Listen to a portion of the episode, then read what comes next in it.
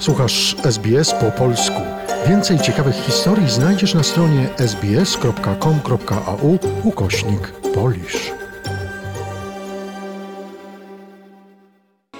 Za chwilę fragment książki Andrzeja Siedleckiego. W książce Niezwyczajne życie zwyczajnego aktora Andrzej Siedlecki pisze w przedmowie, że gdyby nie Napoleonka zaoferowana w teatrze pewnej przystojnej Japonce, to może nie byłoby o czym pisać, bo właśnie od tej chwili zaczęło się jego wyjątkowe życie i w Polsce, i w Japonii, i w Australii. Książka nie jest dokładną autobiografią, ale jest zapisem różnych przemyśleń, faktów, spotkań ze znanymi światowymi twórcami filmu i teatru. Znajdują się w niej też opisy różnych doświadczeń i wydarzeń, także upadków i sukcesów oraz zmagań z rzeczywistością. Książka, jak pisze autor, to cała gama barw i obrazków rzeczywistości, w której żył, nawet przez chwilę, więc i amerykańskiej, i szwajcarskiej.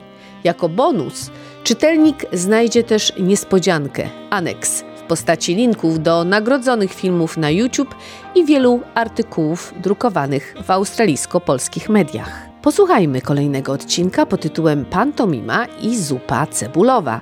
Czyta autor. Pantomima i zupa cebulowa. Paryż jest znany z prezentowania artystycznych zjawisk, połykania i asymilowania ciekawszych tendencji w sztuce. Do Paryża więc zaproszono także wrocławski teatr pantomimy i w teatrze Sary Bernard twórca zespołu Henryk Tomaszewski zaprezentował swój spektakl. W tym czasie przebywałem na stypendium w Paryżu. Kiedyś zafascynowany przedstawieniem Poczta, które widziałem w Warszawie, pojechałem do twórcy do Wrocławia po wywiad, który wydrukowano w świecie młodych. Byłem olśniony wielością znaczeń i asocjacji, jakie mnie przynosiły teatralno-pantomimiczne przedstawienia polskiego mistrza pantomimy. Lubiłem ruch. Miałem wtedy wrażenie, że słowa jednoznaczne dialogi w sztukach teatralnych nie przekazywały tylu treści. I teraz w Paryżu, też po tym wieczornym spektaklu, sztuki wydały mi się za jednoznaczne, proste, a spektakl pantomimiczny był owiany tajemnicą i transcendencją wykraczającą poza realność życia. To, co stworzył Tomaszewski ze swoim niesamowicie sprawnym zespołem, przekraczało unikalną sztukę Marcela Marceau. Kolega z zespołu powiedział mi, że ten znakomity mim zazdrościł Tomaszewskiemu, że mógł stworzyć i miał własny teatr. Tomaszewski był geniuszem ruchu. To jest afirmacja człowieka, afirmacja życia, podkreślał człowiek jest najpiękniejszą istotą z całego stworzenia, jest odzwierciedleniem kosmosu. Człowiek w ruchu manifestuje się w swej najczystszej postaci. Jego życie wewnętrzne, duchowe i ruch stanowią o jego pełni. Podniecony poszedłem za kulisy. Należało to spotkanie jakoś uczcić, więc zaproponowałem kolegom, by iść gdzieś na kolację i porozmawiać przy winie. Nie za bogaty sugeruję składkę, ale jakoś to nie idzie. Rozumiem. Każdy zbiera dewizy na przeżycie w Polsce, więc decyduję, że dołożę i kupię jakieś cienkusze i co tam. Ale z drugiej strony nie rozumiem, że artyści tej miary muszą aż tak te diety oszczędzać. Już przy winie w hotelu rozmawiam ze Stefanem, gwiazdą zespołu, któremu też, jak mnie, paliło się w głowie od pomysłów. Razem wyobrażałem sobie, że może połączymy ruch, pantomimę i słowo i stworzymy teatr ruchu i słowa. Musi coś z tego wyjść.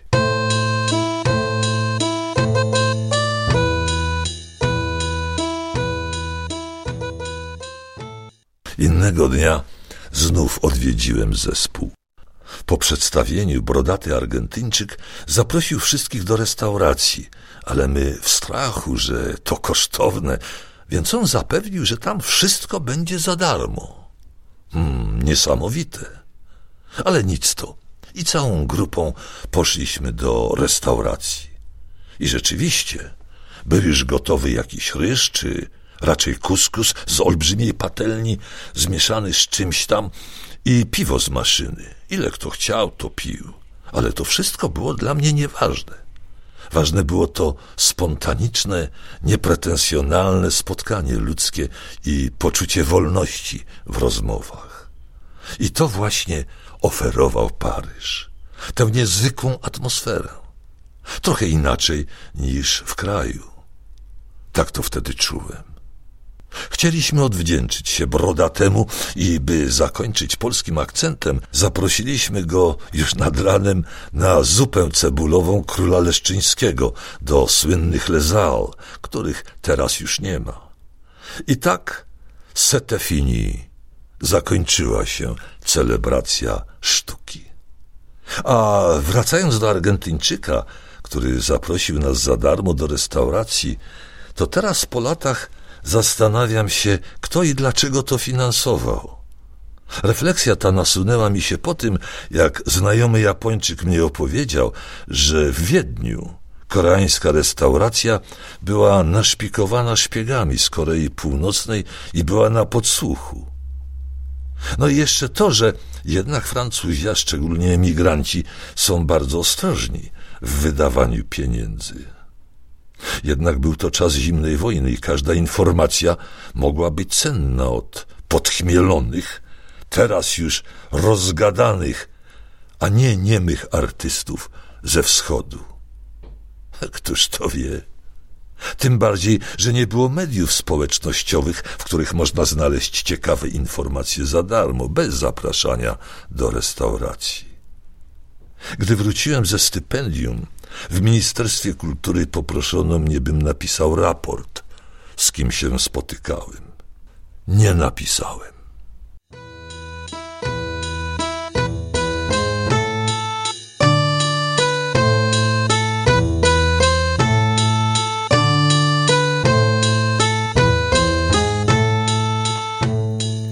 Andrzej Siedlecki, znany aktor, reżyser, dziennikarz i pedagog, czytał fragment swojej najnowszej książki Niezwyczajne życie zwyczajnego aktora.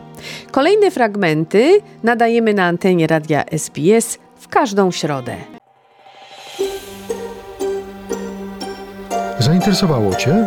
Chcesz usłyszeć więcej? Słuchaj nas na podcastach dostępnych w Apple Podcast, Google Podcast czy Spotify lub w jakimkolwiek innym, który używasz.